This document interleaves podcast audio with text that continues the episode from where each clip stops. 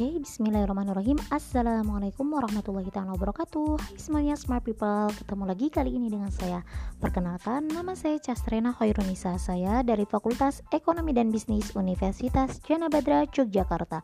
Oke, pada kesempatan kali ini Saya akan menjalankan salah satu tugas Yaitu tugas ujian tengah semester Semester 4 Mata Kuliah Ekonomi Perdesaan Dosen pengampu Pak Ridwan. Oke, langsung saya aja saya akan menjelaskan. Di sini ada soal nomor 7, di soal nomor 7 ada 4 poin soal.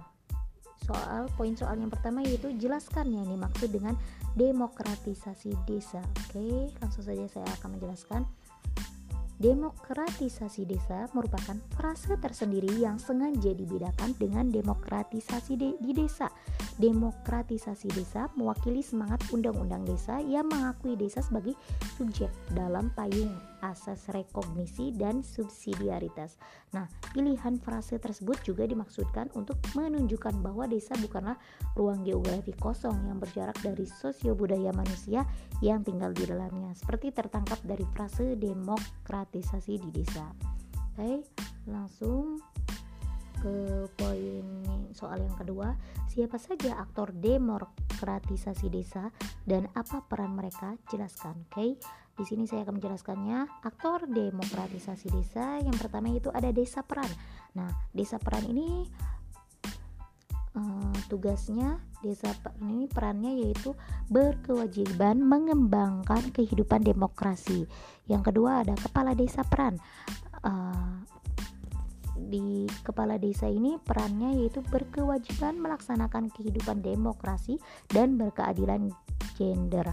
Yang ketiga itu ada Badan Permusyawaratan Desa. Perannya yaitu berkewajiban melaksanakan kehidupan demokrasi yang berkeadilan gender. Yang keempat ada Lembaga Kemasyarakatan Desa kemasyarakatan desa. Perannya ini yaitu pemberdayaan masyarakat desa sebagai mitra pemerintah desa dalam urusan sektoral. Yang kelima ada lembaga adat. Perannya yaitu wadah aspirasi masyarakat yang dibentuk atas prakarsa masyarakat. Kemudian yang kelima adanya ada unsur masyarakat. Perannya yaitu tokoh atau kelompok-kelompok masyarakat yang memiliki bidang garapan tertentu. Kemudian yang selanjutnya ada KPMD yaitu singkatan dari kader pendamping masyarakat desa. Perannya yaitu kader desa yang dilatih untuk melakukan pemberdayaan masyarakat. Dan yang terakhir yaitu ada pendamping desa. Perannya yaitu figur yang bertugas mendampingi desa dalam berbagai kegiatan pembangunan dan pemberdayaan. Oke, langsung saja lanjut di poin soal yang ketiga, mengapa Musdes disebut sebagai arena demokratisasi desa? Jelaskan. Karena Musdes atau musyawarah desa ini merupakan forum tertinggi di desa yang berfungsi untuk mengambil keputusan atas hal-hal yang bersifat strategis.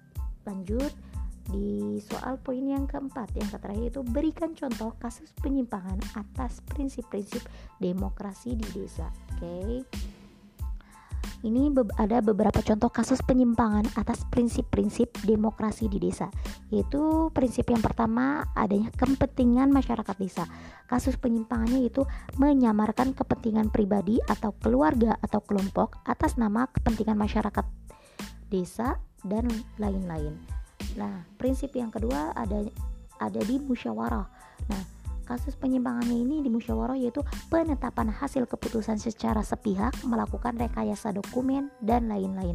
Yang ketiga yaitu prinsip yang ketiga ada partisipasi. Kasus penyimpangannya dari partisipasi itu memalsukan kehadiran, memalsukan persetujuan warga, dan lain sebagainya. Yang keempat ada prinsip sukarela. Kasus penyimpangannya yaitu memaksa dengan ancaman, money politik, intimidasi, dan lain hal sebagainya. Di prinsip yang kelima itu ada toleransi. Kasus penyimpangannya itu merendahkan, memusuhi karena berbeda pendapat. Yang keenam, prinsip yang keenam itu ada berperi kemanusiaan atau humanis. Kasus penyimpangannya itu menghina, main hakim sendiri, main pukul, dan lain hal sebagainya.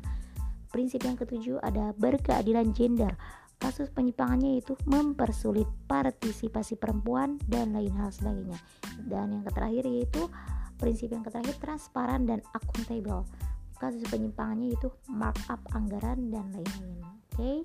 Mungkin hanya ini saja yang dapat saya sampaikan. Kurang lebihnya mohon maaf karena kesempurnaan hanyalah milik Allah semata.